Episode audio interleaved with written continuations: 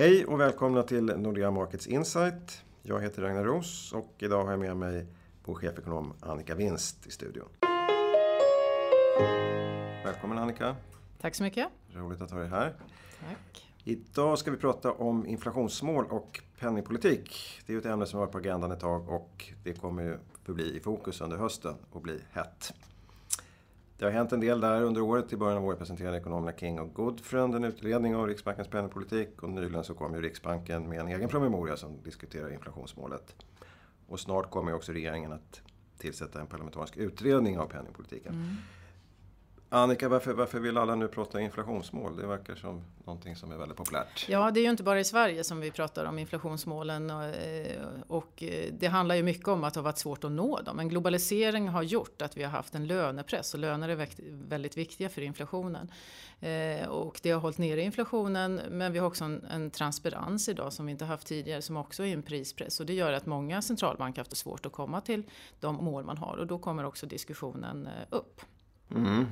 Men är det här bra då? Är det någonting som du välkomnar? Behöver, ja, det behöver lite... man diskutera det? Ja, det, det, jag välkomnar det. Men det beror lite på vad man menar. Det finns ju en diskussion både om man ska ändra de här två procenten. Men, men det tror inte jag att det är det vi ska göra. Utan nu handlar det om att hitta ett, ett mål som, eh, som alla respekterar och som skapar större flexibilitet för Riksbanken. Och också ett toleransintervall eventuellt. Mm. Men om vi börjar då med det man säger, så att säga, själva målvariabeln, själva inflationsmåttet då i, i Sverige så har man ju Riksbanken i Sverige har ju satt målet i konsumentprisindex. Mm.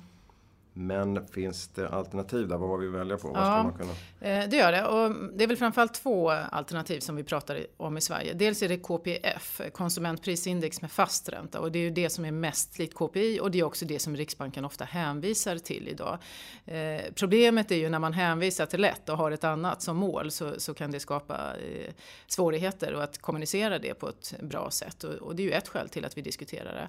Det andra eh, måttet som man pratar om heter HIKP BNP. Och det är ett harmoniserat index, ett EU-index som man mäter ungefär på samma sätt i alla EU-länder och fördelen med det är ju då att man kan jämföra. Så att eh, KPF är lite mer likt det vi är vana vid. Eh, baksidan är då att det inte är lika jämförbart medan HIKP är eh, bra ur ett sätt att jämföra med andra länder men det har andra brister som till exempel boendekostnaderna ingår mm. inte i HIKP och det är ju en av de saker som vi har pratat mycket om i Sverige att det är en brist. Men vilket mått tycker du man ska använda? Jag eh, tänker att det nog är mest lämpligt att landa i KPF och det handlar ju mycket om att det är likt eh, KPI och eh, skapar minst eh, förändring eh, tror jag. Men det finns ekonomer som argumenterar för HIKP också framförallt då för eh, att det är enklare att jämföra med Men andra då är det mer att man ändrar till ungefär som man redan gör då? Ja, fast du får ju en tydlighet. Det är ju fortfarande så att det sätts en hel del juridiska avtal idag i KPI. Till exempel löneavtalen hänvisar ofta till KPI och vi har också juridiska avtal.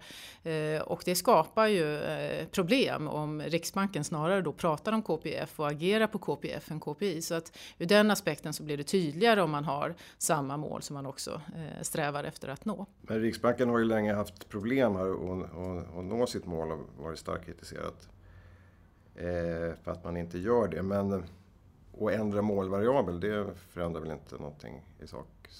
Ja, det som jag är ute efter, som jag tycker är viktigast, det är att man får ett toleransintervall. Det vill säga, vi hade ju före 2010 att man skulle ha ett inflationsmål på 2% plus minus en procentenhet. Mm. Och det, det, man eh, får om man har det, det är att man får en flexibilitet. Mm. Och vi vet ju alla att eh, det är otroligt svårt att mäta inflationen och jag tycker man ska vara väldigt ödmjuk inför det. Det har vi pratat om i många andra poddar också.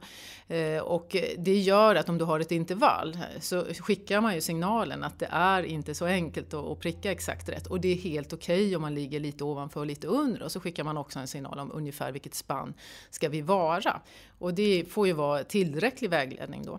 Men hur skulle man sätta det? Skulle man gå tillbaka till det man hade tidigare då, plus minus en? Ja, det får, vi ju, det får vi ju diskutera. Riksbanken har ju själva tittat på det och menar att om man har KPF och ska nå 90 procent av tillfällen att komma innanför så behöver man ha ett intervall på en och en halv. Så det här intervallet ska nog vara ganska brett, eh, tror jag. Det som är baksidan med det här, det är ju att de, de som klagar på att man har ett intervall gör att det blir svårt att veta vad det är man ska eh, titta på om intervallet är alltför brett. Men jag tror nog att såväl avtalsrörelse som de juridiska avtalen får, får nog anpassa sig. Världen, världen ser annorlunda ut idag och då, eh, det är inte så enkelt och då är det nog bättre att vi har en flexibilitet än att, att vi har ett exakt mått för det skapar större problem än från eh, löneförhandlare har man ju hört en del då, oro att om man då skulle ha ett, just som du säger, toleransintervall, att man då inte riktigt vet vad, vilka reallöneökningar ska man kalkylera med att man kan mm. ha olika uppfattningar då från arbetstagare och arbetsgivare. Ja. Ser du något problem där? Ja, jag har all respekt för det. det är, avtalsrörelsen är jätteviktig för inflationen förstås.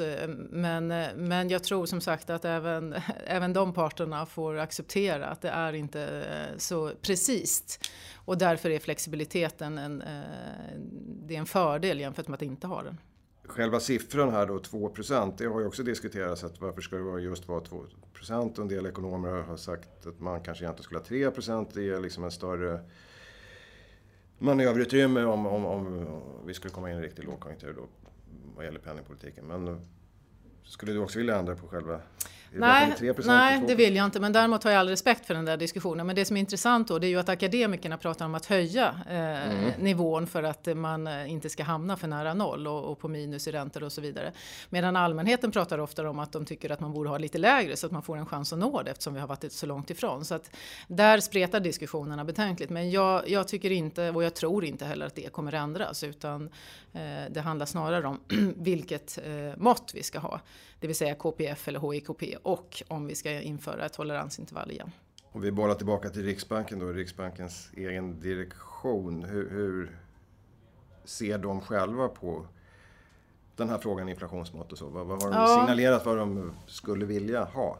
Ja, det har de inte. Eh, eller ja, både och. Eh, I den här eh, rapporten, eller studien som de släppte här om veckan, där har de inte tagit ställning. Men Stefan Ingves har ju själv ett antal gånger lyft fram att han vill ha ett toleransintervall. Och som jag förstår direktionen så är det en majoritet av de sex som är för att man inför toleransintervall. Däremot har jag inte sett att man har sagt om man vill ha KPF eller HIKP. Och, och där kommer vi nog fortsätta att se en diskussion. Ja, summa summarum, hur tror du att det blir om vi... Ja, nu har vi diskuterat vilket mått det kan tänkas bli om man kommer införa sån här toleransintervall. Vad kommer det landa i? Ja, jag tror att vi kommer att ändra mått. Det vill säga att det blir antingen KPF eller HIKP. Och sen hoppas jag också, för det tycker jag är det viktigaste, att vi får ett toleransintervall så att vi får en ökad flexibilitet för, för Riksbanken. Om det blir då den här typen av förändringar, när kommer de att vara genomförda? Ja, den här riksbankslagen som du började prata om, det tar ju flera år innan vi är där. Däremot så finns det en möjlighet för Riksbanken att agera innan och ändra målet och toleransintervallet. Och eh, det tror vi nog att de kan göra betydligt snabbare. Så säg att det sker inom ett år och man kanske redan kommer i höst. Och då har de föregripit den här utredningen? Det handlar om mycket större saker i, i, i den utredningen, så det här är ju en del av det hela.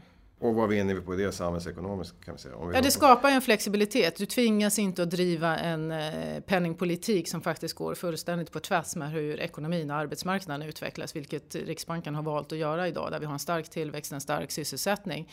Men där inflationen är det som är eh, prio ett och det gör då att hushållens skuldsättning har ökat eh, oroväckande snabbt. Så man kan säga att det blir mer pragmatiskt, mer flexibelt, mer ja, anpassat till ja, de verkliga omständigheterna. Ja, och, och, och, det är bra. Men sen är det också en poäng med att ha ett, ett mål som de strävar efter som stämmer överens med det mål som de faktiskt har i, i det eh, signalsystem som de skickar ut. Mm. Stort tack Annika. Mycket ja, intressant tack själv. att prata om. Tack. Tack för att ni har lyssnat och om ni vill ha fler analyser kan ni hitta dem på nexus.nordea.com. Och det går också bra att prenumerera på våra nyhetsbrev. hittar ni på nordea.se markets.